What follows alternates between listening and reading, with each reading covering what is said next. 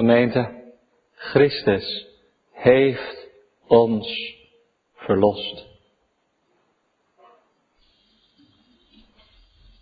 Zo staat het hier in de tekst. En zo moeten we het ook laten staan. Christus heeft ons verlost. Ik kan er wel wat anders van maken. Ik kan wel zeggen, heeft Christus u wel verlost? Maak er een vraag van. Maar dan verander ik de tekst. Ik zou ook zeggen, Christus heeft zijn volk verlost. Maar dat staat er niet. Paulus schrijft aan de gemeente van Galatië, Christus heeft ons verlost. En zo, uit eerbied voor het woord van God, zegt het na. Christus heeft ons verlost.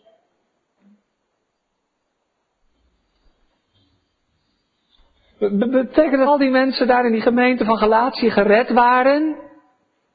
We moeten niet allerlei conclusies direct aan verbinden. Je moet de, de, kracht van het woord van God. Als verkondiging. Het is verkondiging. Deze brief is verkondiging. Je moet je wel op de juiste wijze verstaan. Waarom zegt Paulus het zo? In dit verband, in deze brief. Christus. Daar valt alle nadruk op. Christus heeft ons verlost en niemand anders. Het is verkondiging. Het is geen automatisme, geen conclusie, geen zelfzekerheid. Niet iets om als voor kennisgeving aan te nemen met een dankbaar hart. Het is verkondiging. Christus heeft ons verlost. Weet u wat er nou eh, het probleem was, gemeente van Galatië? Dat de mensen dat heel vanzelfsprekend vonden. Dat ze dat zo gewoon, gewoon waren gaan vinden, dat ze allerlei andere dingen erbij hadden gezocht om dat evangelie wat aan te vullen, om er zelf nog wat bij te kunnen doen, de werken der wet. Met name de besnijdenis. En weet u gemeente waar ik wel eens bang ben? Dat u die uh, heerlijke boodschap van de verlossing door de Heer Jezus Christus ook gewoon gaat verder. Dat je er niet meer uh, van ophoort. Dat je het voor kennisgeving aanneemt, dat je het vanzelfsprekend vindt. Groot gevaar. Dat het geen, geen wonder meer is. Christus heeft ons verlost. Hoort u dan niet de jubel van de apostel Paulus die in die tekst doorklinkt?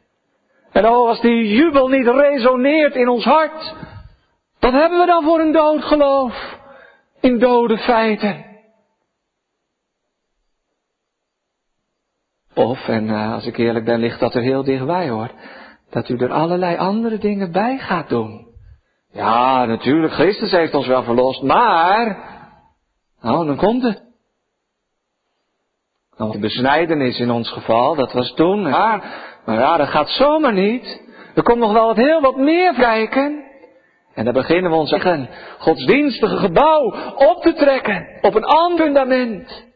Oh, zegt Paulus, hoort u de emotionele toon van dit stuk? Oh, gij uitzinnige laten, wie heeft u betoverd? Het is alsof Paulus, zoals hij ergens anders schrijft, uitzinnig is zelf bezorgdheid, van emotie, van betrokkenheid bij die gemeente. Hij is zo bezorgd dat het in de gemeente van Galatië de verkeerde kant op gaat. Dat ze afdwalen, het zuivere evangelie van de vrije genade van God. Wie heeft jullie begeisterd, wie heeft jullie betoverd dat je de waarheid niet meer gehoorzaam zou zijn? Ik heb jullie toch, zegt die de Heer Jezus, voor ogen geschilderd, mijn prediking. Mooi beeld voor de predikingen. Dat is uh, schilderen.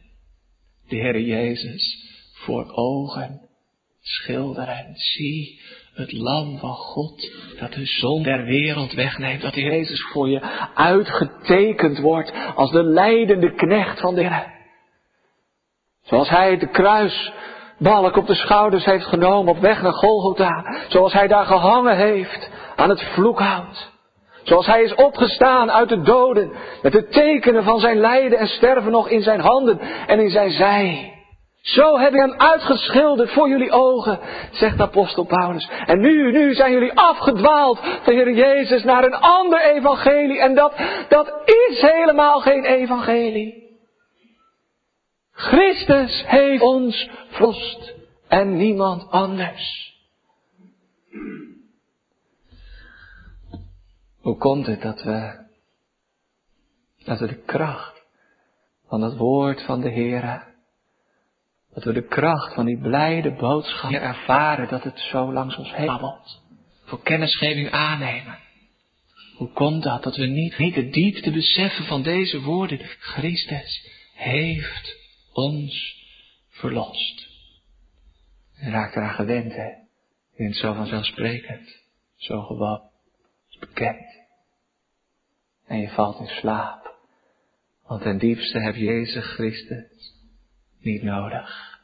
Kun je het ook wel zonder Hem. Rustig verder leven. Beetje godsdienst. Beetje wereld.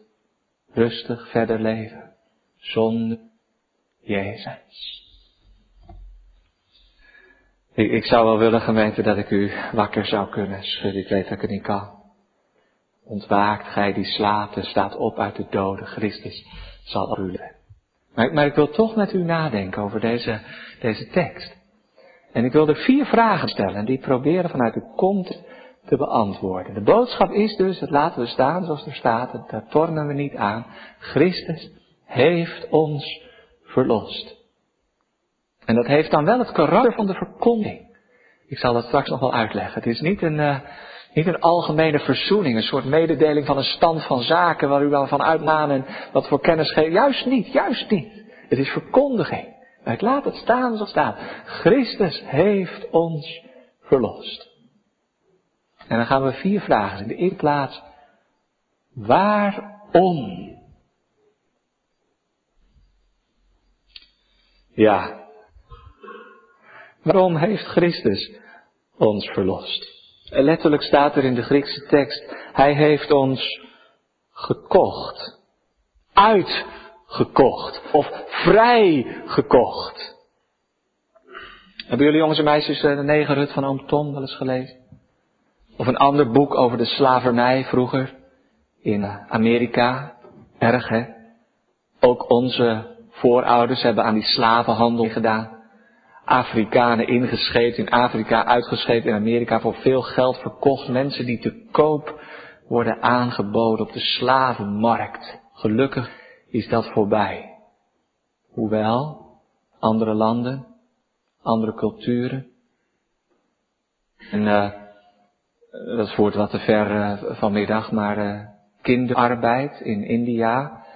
En wel kleren, goedkope kleren dragen wij zijn ook niet mede verantwoordelijk voor zo'n wantoestanden. Enfin, slavernij is iets uh, verschrikkelijks. Te koop. Spurgeon vertelt een verhaal over die slavenmarkten. Hij zegt er waren twee slaven die stonden te koop op de markt. Die zal daar staan, zeg, hè, met een bordje erbij, koop. Vastgebonden in de boeien. En hij zegt, er kwam een man op die slavenmarkt, er was een christen. En het gebeurde wel meer in die tijd dan een slaaf werd vrijgekocht. Als een daad van, van, uh, van om iets goeds te doen voor een ander. Een goede daad te doen. En deze man kocht die ene slaaf vrij. Hij betaalde de prijs. En hij zei tegen die slaaf, voortaan, u vrij man, u kunt staan en gaan waar u wilt. Hij was blij, verrast. Vrijgekocht. Ik, zomaar, onverwacht. Maar die andere man stond nog. Weet je wat hij deed, jongens en meisjes? Die andere man die begon te roepen. En die man die de prijs betaald had. En hij koop ook mij!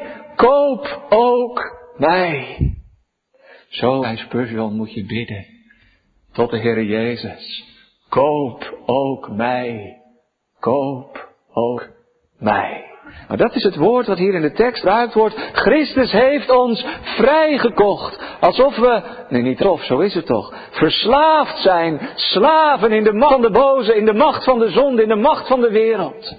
We zijn niet vrij. En als je nog denkt dat je vrij bent, dan vergis je jezelf. Hoe denken jullie erover, jongelui? Achterste bank? 2, 4, 6, 8, 10? Ben je een beetje bij betrokken vanmiddag bij de preek? Soms is het net als een gordijn daar een beetje achterin hangt, waar jullie achter jullie horen er ook bij hoor. Zijn jullie verslaafd?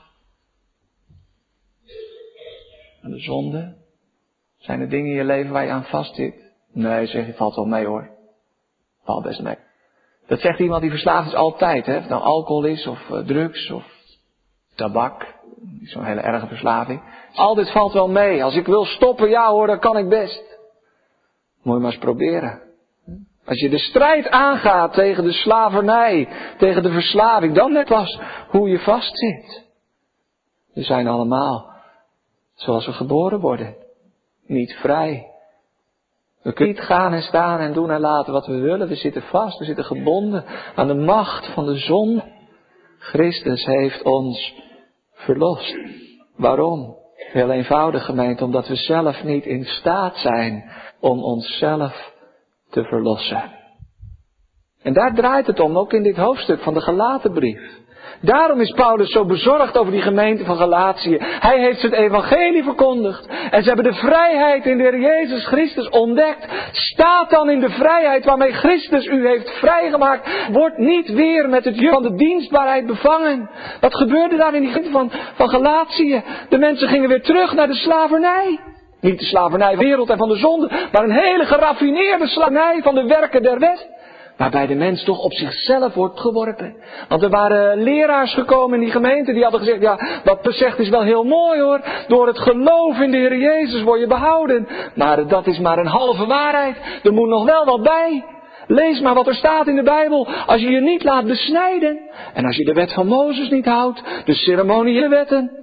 De sabbatten en al de dingen die daar beschreven, kun je niet zalig worden. Dat gaat zo niet. Het gaat zomaar niet alleen maar door het gewendeerde Jezus. Je moet er wel naar leven. Naar de wet van God. Je moet wel als heiden, want daar gaat het hier om. Heiden christen moet je wel Joods worden. Je moet de Joodse wet aannemen. En die moet je onderhouden. En als je dat dan ook doet. En je gelooft ook nog dat Jezus de Messias is. Want dat geloofden ze best dat Jezus de Messias was. Dat was juist het geraffineerde, dubbele. Maar, maar, maar en, en, en je gelooft in Jezus de Messias. En je moet ook wel, wel, wel echt leven zoals het in de Bijbel staat, zoals het in van God staat.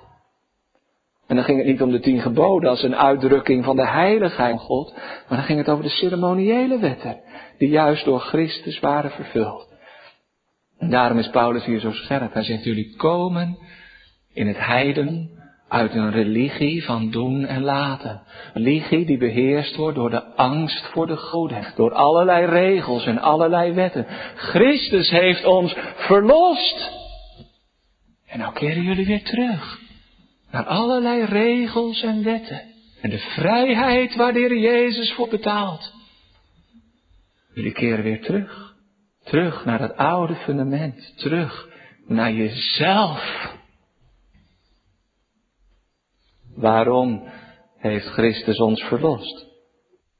Omdat we onszelf niet kunnen verlossen. En dat hadden ze geleerd in Galatië. Ze waren het weer weten en ze dachten, kan toch, samen met Jezus, kan ik toch zelf ook nog heel wat doen voor mijn eigen behoud. Mag ik vragen zo op de man af, heeft u dat geleerd? Dat alles wat u doet en alles wat u laat niet meetelt. Dat het enkel en alleen genade is. Christus heeft ons vrij gekocht. Heb je jezelf zo zien staan als een slaaf, gebonden door de macht van de duisternis, van de zonde, van de angst. En dat de Heer Jezus toen kwam om de prijs te betalen. Niet met zilver of goud, maar met zijn dierbaar bloed voor al mijn zonden volkomen betaald. Daarom heeft Christus ons verlost. Omdat niemand anders was in de hemel, bij de heilige engelen van God, die ons kon verlossen.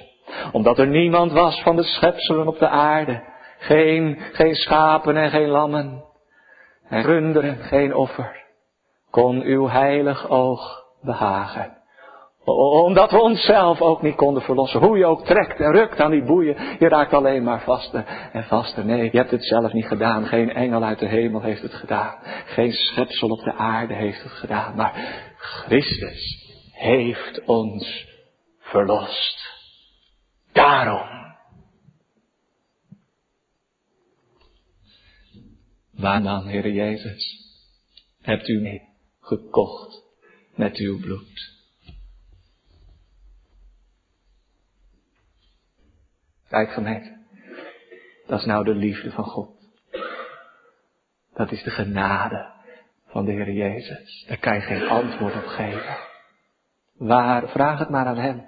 Waarom, Heer Jezus, hebt u mij gekocht met uw bloed?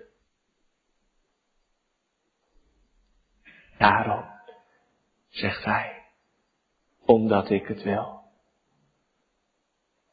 Omdat ik de zaligmaker ben van zondaren. Durf je nou je eigen naam in te vullen? Ik, ik preek het maar zo ruim mogelijk, zo staat het ook in de tekst. Christus heeft ons verlost. Dat is een geloofzaak, hè? Durf je nou je eigen naam in te vullen? Zeggen, ja, Heer Jezus, ook voor mij. Is de eerste vraag. Waarom? Omdat het uh, niet anders kon. Daarom. De tweede vraag.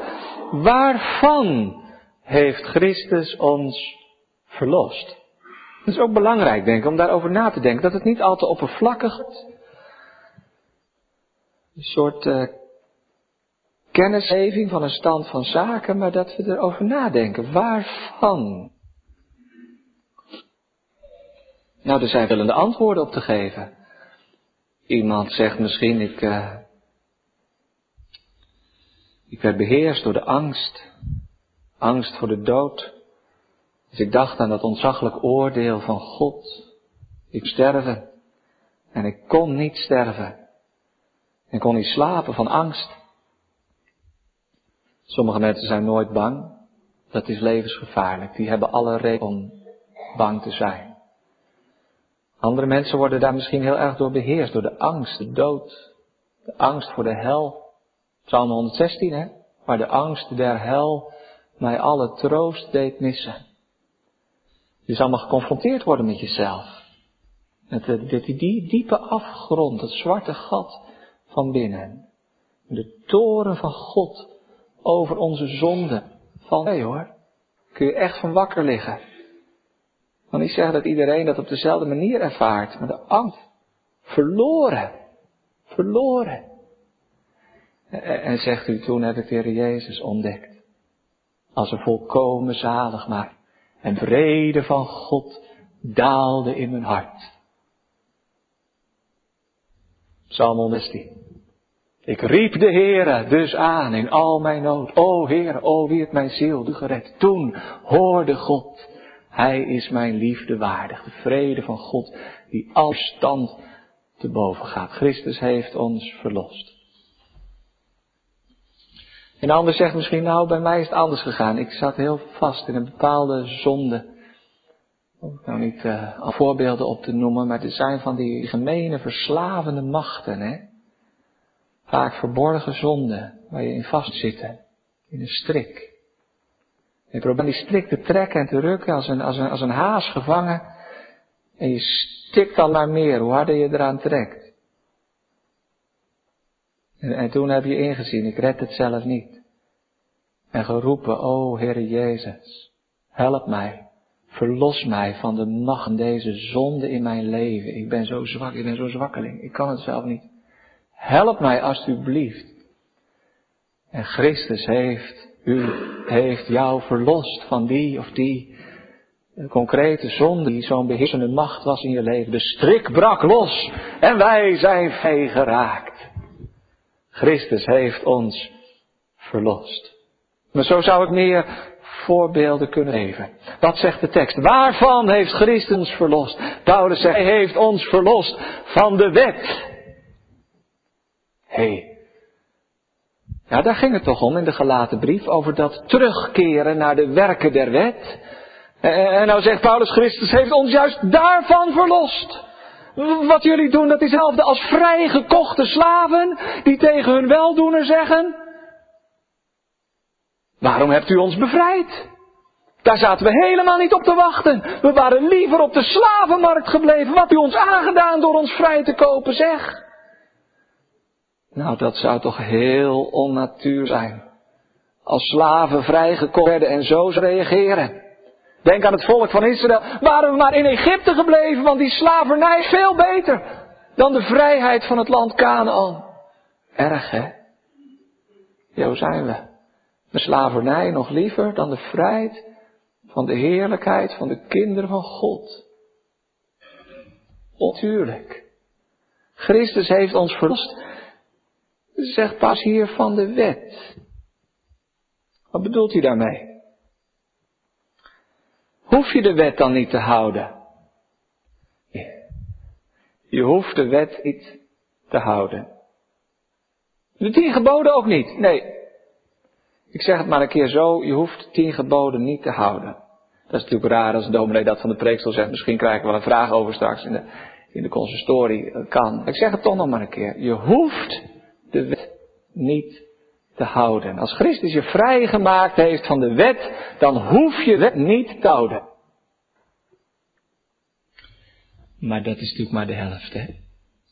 Je gaat de wel houden. Wat bedoel je?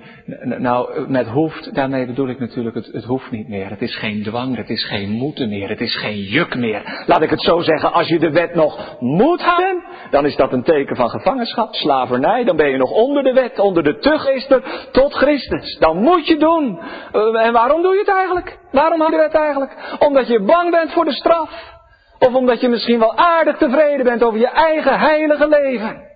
Nou, het is allemaal eigen werk. Het zijn de werken der wet. Als je de wet nog moet houden, ja, je moet hem wel houden. Natuurlijk is de wet van God die blijft staan tot in der eeuwigheid. Er zal geen titel of jota van vallen. Zo bedoel ik het niet, maar ik bedoel het wel subjectief, innerlijk. Als je voor jezelf nog steeds de wet moet houden, als een verplichting, als een eis, als een, als, als een werk waar je aan kunt voldoen in eigen. Maar dan heb je het helemaal niet begrepen. Christus heeft ons verlost van de wet. Niet dat de wet is komen te vervallen natuurlijk. Hij heeft de wet niet laten vervallen, hij heeft de wet vervuld. En vervuld, dan zeggen dat hij de wet heeft gehouden. En tot op de laatste opdracht van die wet alles heeft volbracht wat er te doen was. En voor wie heeft hij de wet gehouden? Hij heeft de wet gehouden voor een ieder in hem gelooft. En daarom zeg ik het een keer, ik hoef de wet niet te houden, want Christus heeft de wet volbracht. Maar uh, als hij nou iets van je vraagt, die niet met zilver of goud, maar met zijn dierbaar betaald heeft. Als hij nou een gunst van je vraagt, zou je dat of dat voor mij willen doen? Jongens en meisjes, als die man vraagt aan die slaaf die geroepen heeft, koop ook, koop ook mij. Als die man nou vraagt, zou je wat voor willen doen? Wat, wat denk je dat die zou zijn? Huh, heb ik helemaal geen zin in. Zou die dat zeggen? Nee, hè? Dat zeggen wij als we zondigen. Dan zeggen we eigenlijk tegen de Heer Jezus, ik heb er helemaal geen in om te doen wat u van me vraagt. Waarvan heeft Hij ons verlost? Van de wet, van de eis van de wet, ja. Van de straf van de wet, van het oordeel van de wet. Paulus zegt nog iets anders hier en dat ligt nog dieper. Hij heeft ons verlost van de vloek van de een vloek worden zijnde voor ons. Daarom heb ik toch die onbekende Psalm 109, vers 10 laten zingen. Hij heeft vloek op zich genomen, laat dan die vloek maar overkomen. Een psalm die u niet vaak gezongen hebt, denk ik. Dat is eigenlijk een wraakpsalm. Een psalm waarin de dichter uitzingt, laat die vloek dan maar over de ene komen die die vloek op zich heeft genomen. Nou, erger kan eigenlijk niet. Want door de zonde hebben wij de vloek op ons genomen. Hebben we toch even met u gelezen wat daar uh, in Deuteronomium 27 beschreven wordt over dat volk Israël die twee bergen. Bij Samaria, op de Ebal en op de Gerizim, na de uittocht. Daar staan ze. En de, de levieten die daar in het midden van lijst staan, die roepen de wet uit voor God. Ze zeggen het een na het vervloekt degene die zijn naaste, die onschuldig is, doodslaat. En al het volk op die bergen, die roept, ze roepen, Amen. En dan tenslotte aan het einde, dat laatste vers van hoofdstuk 27. Vloekt is een ieder die niet blijft in al hetgeen geschreven staat in het boek der wet om dat te doen. En al het volk riep, Amen. Ze hebben de vloek op zich genomen. Door hun instemming met de heilige wet van God. En dat haalt Paulus hier aan in Galaten 3, hè. In uh, welk vers is het? In vers 10. Want zoveel als er uit de werken zijn, uit de werken der wet, die zijn onder de vloek. Want er is geschreven, vervloekt is een ieder die niet blijft in al hetgeen geschreven staat in het boek der wet, om dat te doen. Stanomium 27. En al het volk zei, Amen. Wat is dat, uh, de vloek van de wet? Hebben jullie wel eens gevlogen? Hardop. In een driftbui of zo. Dat je kwaad was. Misschien rolden die uh, woorden zomaar over je lippen. Zonder dat je er erg in had. Misschien uh, kon je het nog net uh, tegenhouden. Maar je van binnen wel roept. God, verdoem mij. Dat is de vloek. God, doe mij maar weg. Laat mij maar los. Laat mij maar gaan. God, verdoem mij maar. En weet je, als je zondigt, dan vloek je eigenlijk altijd. Want natuurlijk zijn grote zonden, kleine zonden, zijn misdaden tegen de menselijkheid. Oorlogsmisdaden zijn ook gewoon, ja, nou ja, kleine zonden. Een gedachte is geen daad en een woord is geen gedachte. Het is allemaal wel verschillend, maar, maar elke zonde, hè, elke overtreding van de heilige wet van God is een vloek. Is eigenlijk een, een, een, een roep. O God, verdoem mij maar. Wij, denken veel te gemakkelijk over de zonde. We denken toch, het valt wel mee. We beseffen niet hoe, hoe ernstig onze situatie is zonder de Jezus Christus. Dat we de ene na de andere dag niet aandoen dan onszelf vervloeken. Door, door, door te leven in disharmonie, in tegenstelling met de wet van God. Dat schrijft de apostel Paulus, dat is het woord van God. Zoveel als er onder de wet zijn, die zijn onder de vloek, want er is geschreven, vervloekt is een ieder die niet blijft in al hetgeen geschreven staat in het boek der wet, om dat te doen. Waarvan heeft Christus ons los? Van de vloek van de wet. En al het volk zei, Amen. U ook? Dat hoort er wel bij, hè? Dat je Amen gaat zeggen, de heilige wet van God. Dat je inziet, verlicht door de Heilige Geest, hoe de situatie werkelijk is. Dat je het ermee eens wordt met het oordeel van God over je zonde. Ja, zegt iemand, maar daar, zit ik nou juist mee. Want ik heb er helemaal niet zo'n last van, van mijn zonde. Ik voel me helemaal niet zo schuldig, als ik eerlijk ben. Als ik anderen daarover hoor spreken, die, hebben, die gaan daar veel meer onder gebukt, weet je. En zelf, nou ja, ik weet wel dat ik verkeerd ben, maar voel het niet zo. Twee dingen. Vraag maar of de Heer je meer wil laten voelen. Van de realiteit van de zonde, van de macht, van de verslavende macht van de zonde, hoe het is. En, het grote middel daarvoor is de wet. De heiligheid van God, de spiegel. Ik zou ook kunnen zeggen, het grote middel daarvoor is het kracht van de Heer Jezus Christus. Als je ziet wat de zonde hem gekost heeft, dan kun je niet meer oppervlakkig denken en voelen over de zonde. Dat gaat gewoon niet. Als je dat op je in laat werken, hoe duur de zonde door hem is betaald.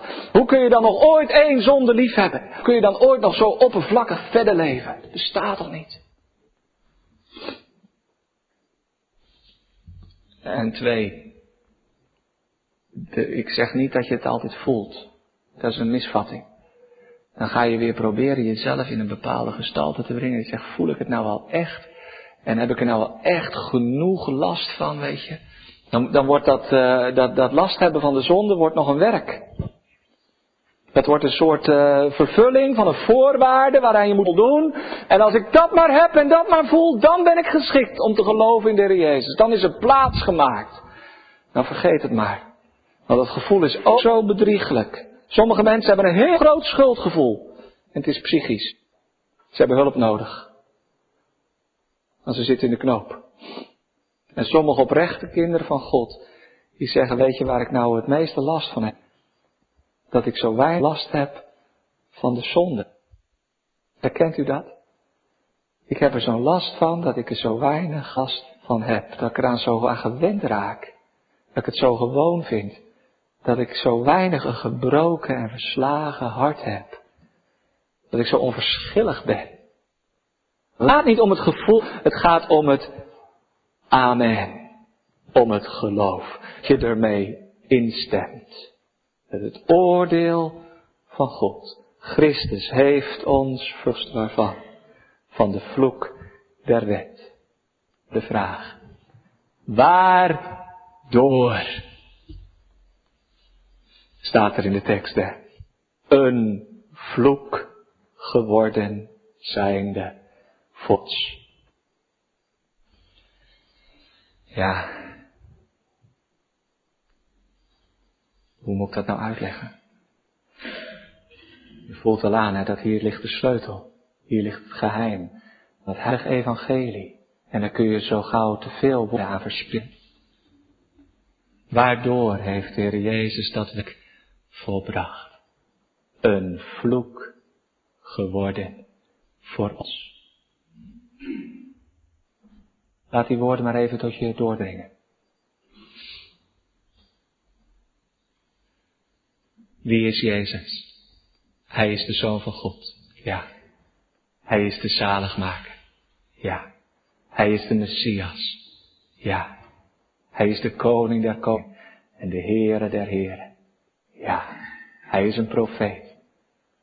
Hij is de ware wijnstok. Hij is de deur. Hij is de goede herder. Hij is, hij is, wie is Jezus? Paulus zegt, Jezus is een vloek geworden. Voor ons.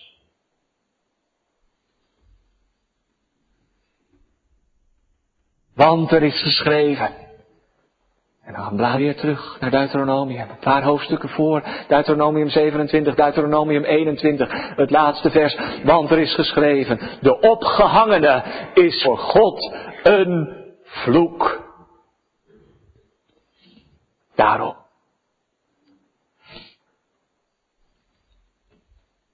Want als iemand eh, de doodstraf kreeg in Israël, dan werd hij soms opgehangen. Na de executie natuurlijk, niet een kruisiging zoals bij de Romeinen, die weder marteldood. Maar als een soort, ja, waarom werd zo'n lichaam, dat is toch een luguber, een dood lichaam, opgehangen aan een paal, aan hout. En bij de wet van God, eh, Deuteronomium 21, tot de avond. Voor de avond valt, moet dat lichaam weg zijn, begraven zijn. Anders wordt het land verontreinigd, want die man die daar hangt is een vloek voor God. Waarom was dat eigenlijk? De doodstraf. Ben, je ook voor de doodstraf? Het is wel heel definitief, hè? Als de overheid iemand het leven ontneemt. Niet te hard roepen hoor, dat we dus allemaal voor de dood en voor strengere straffen zijn. Moeten we niet te hard roepen, want uh, ken je eigen hart niet. Het is een wonder dat ik niet in de gevangenis zit. Het is heus geen pretje om daar te zitten, al heb je televisie. Je bent beroofd van je vrijheid. En toch zeg ik het vanmiddag. Doodstraf is een bijbelse straf. Denk aan de oorsmisdadiger, zult u met me eens zijn. Of een andere gruwelijke misdaden. Waar mensen, en dat is het eigenlijk, zichzelf het leven onwaardig hebben gemaakt. Dat kan. Dat iemand zo ver gegaan is dat er geen plek meer is op de aarde. Dat in zichzelf het leven onwaardig heeft gemaakt. En zo iemand werd dan uh, opgehangen. Als een teken. Er is voor hem op de aarde geen plaats meer. En er is voor hem in de hemel geen plaats. Daar hangt hij tussen hemel en aarde. De aarde wil hem niet meer hebben en de hemel wil hem niet ontvangen. Hij is een vloek. Is de zonde zo erg, gemeente? Ja. En ik u mee naar Golgotha. Wie hangt daar? O, zie, zie, het lam van God dat de zonde der wereld wegneemt. Zie, zie uw koning. Zie, zie de mens, de mens, Jezus Christus. Zie, uw zaligmaker zijn reinigt u van alle zonden. Wie hangt daar aan het kruis? De opgehangene is voor God een vloek. Wat heeft Jezus gezegd? Het kruis, o Vader, verdoem mij maar. Hij heeft de vloek op zich genomen.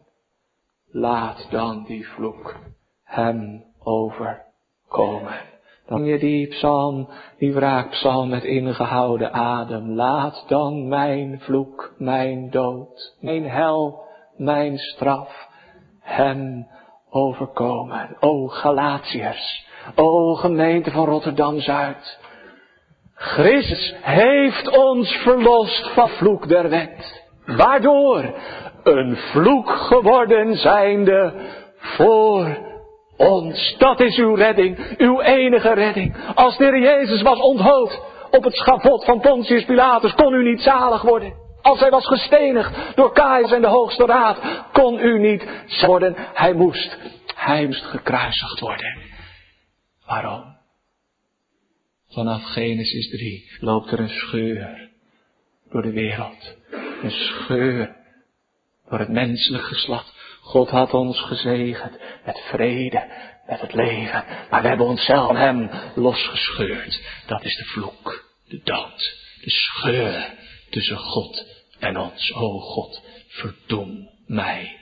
Maar daarom, daarom is Jezus gestorven aan het kruis. Er was aarde in pas meer voor hem. Hij had de hemel en de. Maar hij moest weg, weg, weg. En in de hemel, in het hart van zijn vader, geen plaats meer voor hem. Mijn God, mijn God, waarom hebt gij mij verlaten? Vloekt is een ieder die aan het had. Jezus, voor mij. En al het volk zeggen.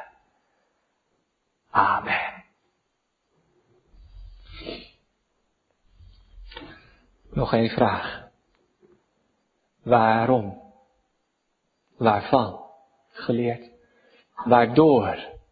Door het geheim. Van de zoening door zijn bloed. Nog één vraag. Waar toe? Lees maar mee wat er staat in het volgende vers, vers 14. Opdat, daar heb je het antwoord. Waartoe? Wat was het doel van dit alles? Wat is het doel dat Paul de gemeente van Galatië herinnert? Christus heeft ons verlost. Opdat de zegen van Abraham tot de heidenen komen zou in Christus Jezus. En opdat wij de belofte van de geest verkrijgen zouden door het geloof. Het zou te ver voeren om het helemaal te leggen. Maar, maar, maar Paulus is hier maar bezig met het uitleggen de schriften. Hij heeft de ene tekst naar de andere. De rechtvaardige zal door het geloof leven. Habakkuk, die twee teksten uit Deuteronomie. En vervloekt is een i die niet blijft geen geschreven staat in het boek der wet om dat te doen. En vervloekt is een i die aan het hout hangt. Hij, hij combineert die teksten op een magistrale wijze. Want alles, alles in het Oude Testament wijst heen naar de vervulling door de Heer Jezus Christus. En dan loopt er ook nog als de vader van alle gelovigen. En Paul schrijft als het ware, jullie willen nog zo graag kinderen van Abraham zijn? Dat zeggen ze toch, die nieuwe leraars, dat je je moet laten besnijden.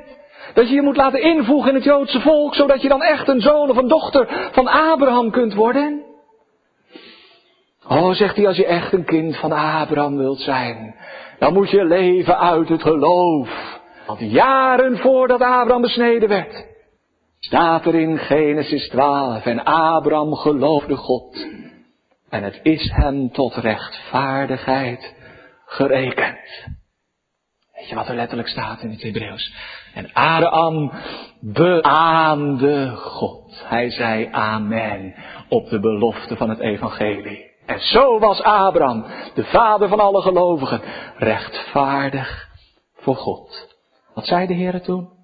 Abraham, in u, dat is in uw zaad, in uw nageslacht, zullen al de volken de aarde gezegend worden.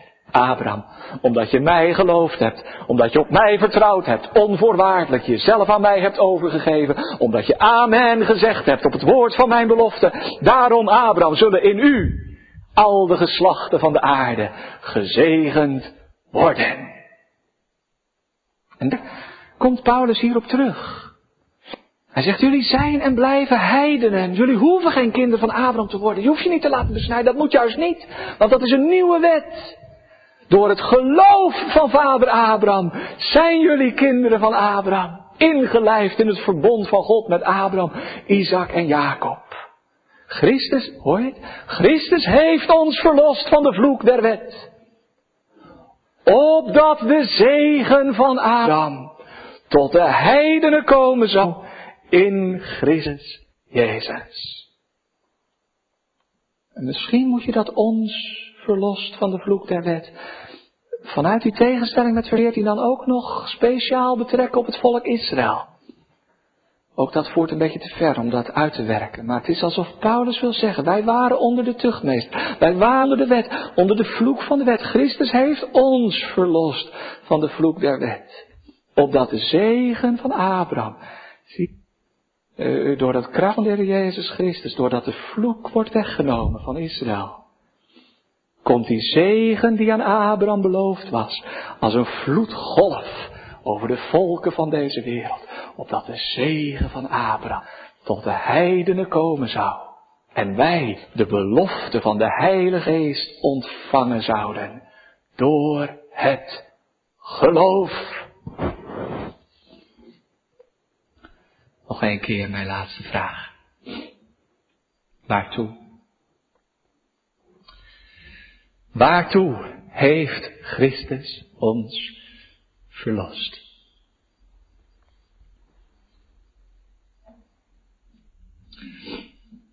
Het was uh, geloofstaal, hè? We zouden het laten staan en niet uh, gaan tornen aan de tekst door er een vraag van te maken of door te zeggen Christus heeft zijn verlost of zo. We laten staan zoals het staat. Christus heeft ons verlost. Moeten we niet vergeten vers 14 erbij te nemen. Opdat wij de zegen ontvangen zouden. De zegen van Abraham. De zegen van de God van Abraham. Door het geloof. Het is alsof Paulus hem nog eenmaal aan wil herinneren. Wie de prijs betaald heeft. Waar het fundament van hun zalig ligt. Christus en Christus alleen. En dat verkondigt u, dat heilig en heerlijk evangelie. Christus en Christus alleen heeft zijn kruisdood ons van de vloek der wet. Opdat, met het doel dat wij de zegen ontvangen zouden. En weet de Joodse hoge priester, die legde de zegen op. Met gespreide handen. Met gespreide vingers. Die zegen komt niet van de priester, die komt van God Abraham, de God van Isaac en de God van Jacob. Die vloeit door de handen heen van de hoge priester op het volk van Israël. En zo zie ik onze Heere Jezus Christus opvaren naar de hemel. En zijn handen zegenend uitbreiden over Israël, over zijn discipelen en over de volken van deze wereld. Die, die gespreide vis van Jezus, die doorboorde handen van de zaligmaker waar de littekens nog zichtbaar zijn. En door de wonden in zijn handen vloeit de zegen, het leven, de vrede van God over een verloren wereld. Opdat wij de zegen Abraham verkrijgen zouden. Door het geloof. En al het volk zei Amen. U ook op het oordeel ten dode opgeschreven. Door de zonde heb ik mijzelf verdoemd. Ik voel het niet, maar ik geloof het.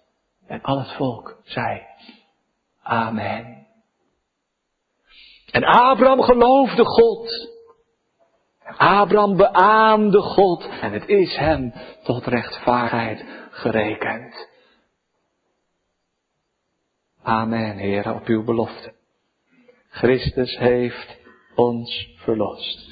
Dat wij de zegen zouden krijgen door het geloof. En dan vraagt de Heer niets van ons. Geen werk. Geloof is gelukkig. Geen werk. Geen daad. Geen prestatie. God vraagt maar één ding van ons. Dat is dat wij ons afleggen op het. Christus heeft ons verlost. Dus de verkondiging, de verkondiging van het evangelie. Christus heeft ons verlost. Vraagt de Heer maar één van ons. Een ding dat Hij zelf geeft door zijn geest. Dat u vandaag van harte Amen zegt op dat woord. Christus heeft ook mij verlost van de vloek der door het kruis. Amen. Ja. Amen. 没。